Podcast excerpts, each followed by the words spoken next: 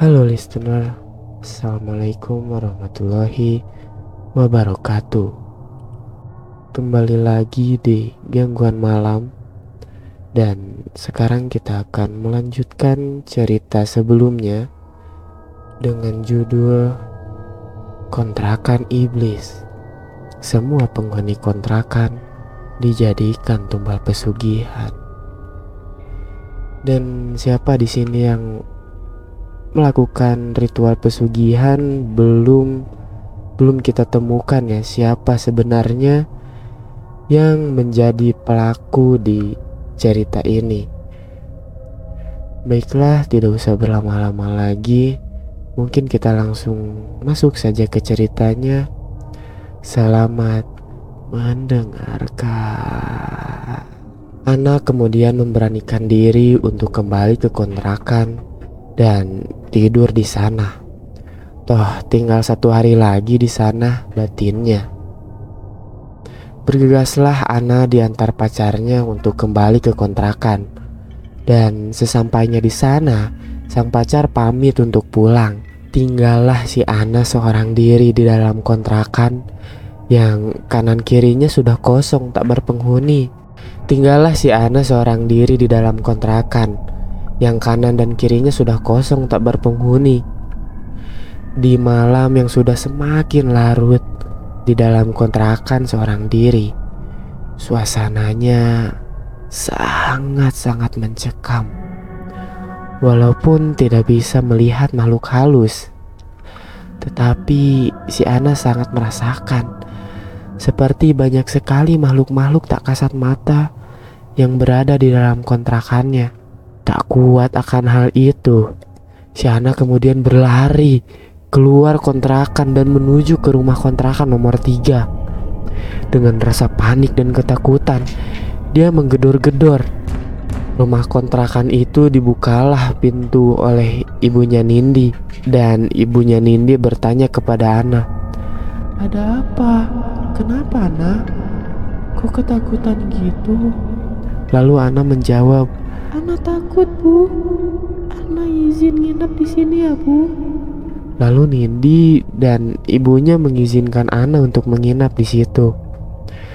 Karena suara pembicaraan mereka cukup gaduh, keluarlah tetangga kontrakan nomor 4. Kontrakan nomor 4 berisi sepasang suami istri dengan dua orang anak dan sesekali ada kakeknya yang menginap di situ.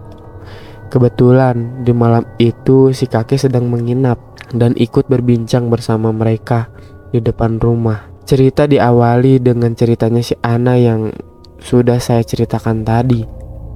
Kemudian tetangga nomor 4 kaget mendengar semua cerita si Ana karena tetangga nomor 4 itu waktu itu dia mengambil rak piring pemberian dari Mbak Dini. Sontak sebut saja Pak Danu langsung berlari ke dapur untuk mengambil rak piring itu. Setelah diambil dari dapur, rak piring itu dibuang, dilemparkan ke halaman belakang kontrakannya. Cerita berlanjut. Orang tuanya Pak Danu sebut saja kakek Salim. Dia bercerita kalau kemarin malam dari rumah induk itu, dia melihat sangat ramai orang yang seperti sedang berpesta sambil tertawa riang. Semua yang mendengar cerita dari kakek itu langsung kaget sambil mereka bilang ke kakek itu, "Kek, di rumah itu kan sudah lama kosong. Gak mungkin ada orang lain selain kita ini." Ucap mereka ke kakek itu. Kakek itu pun kaget terkejut tidak percaya hal itu. Lanjut cerita Nindi. Ternyata si Nindi itu diam-diam mempunyai indera keenam yang sangat peka dengan hal-hal mistis. Pada waktu siang hari itu, dia kepergok istri saya sedang main air di atas kontrakan. Ternyata Nindi itu sedang menyiramkan air garam yang sudah didoakan. Tujuannya adalah untuk menghalau kehadiran makhluk-makhluk tak kasat mata itu agar tak mengganggu penghuni kontrakan. Kemudian Nindi lanjut bercerita tentang lampu penerangan depan pagar yang selalu mati itu disebabkan oleh ulah sesosok genderuwo yang posisinya berdiri sambil bersandar di tiang lampu penerangan pagar kontrakan. Pantas saja lampu selalu mati. Lanjut Nindi bercerita. Ingat tentang cerita suaminya Mbak Dini yang sudah meninggal? Dalam penglihatan mata batinnya, si Nindi melihat jelas ternyata suaminya Mbak Dini itu meninggal melalui kecelakaan untuk dijadikan sebagai tumbal dari pesugihan. Pesugihan yang dilakukan omnya suaminya tersebut. Jadi pesugihan ini dilakukan oleh om om suaminya Mbak Dini. Dan ruh dari suaminya Mbak Dini itu bergentayangan ada di sekitar rumah kontrakan ini untuk mengajak istrinya yaitu Mbak Dini ikut serta menjadi tumbal. Jadi ringkasnya tanah, rumah, dan kontrakan yang dibeli suaminya Bu Irma dari hasil merampok itu dijual. Lalu dibelilah oleh paman almarhum suaminya Mbak Dini. Belinya dari uang hasil pesugihan. Sungguh miris. Lanjut Nindi bercerita. Berhubung Mbak Dini sudah pindah kabur tanpa sepengetahuan om almarhum suaminya. Entah ke mana dan sampai sekarang om almarhum suaminya Mbak Dini itu tidak tahu kalau sebenarnya Mbak Dini sudah pindah kabur entah ke mana. Yang Nindi takutkan adalah orang yang ngontrak di situ akan menjadi tumbal pengganti Mbak Dini, kata Nindi. Dalam waktu dekat itu harus ada tumbal lagi untuk memperpanjang pesugihannya dan si anaklah yang diincar untuk menggantikan Mbak Dini sebagai tumbal. Pas saja, Mbak Dini berbaik hati kepada Ana dengan memberikan semua barang-barang isi kontrakannya. Ternyata ada maksud jahat di balik semua kebaikan itu. Untung saja semua barang-barang pemberian dari Mbak Dini sudah Ana kembalikan ke dalam rumah kontrakan bekas Mbak Dini. Mbak Dini sudah kabur entah ke mana dari kontrakan itu. Besar kemungkinan kalau penghuni kontrakan yang tersisa tidak segera pindah, mereka akan dijadikan tumbal pengganti. Obrolan cerita mereka semua tak terasa. Waktu sudah menunjukkan pukul 3 pagi.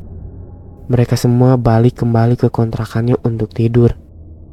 Sore harinya, sepulang kerja, si Ana berkemas untuk pindah dan malam harinya si Ana sudah tenang tinggal di kontrakan barunya yang tidak jauh dari kontrakan kami. Sampai hari ini masih ada dua keluarga yang tinggal di kontrakan itu yaitu keluarganya si Nindi dan keluarganya Pak Danu.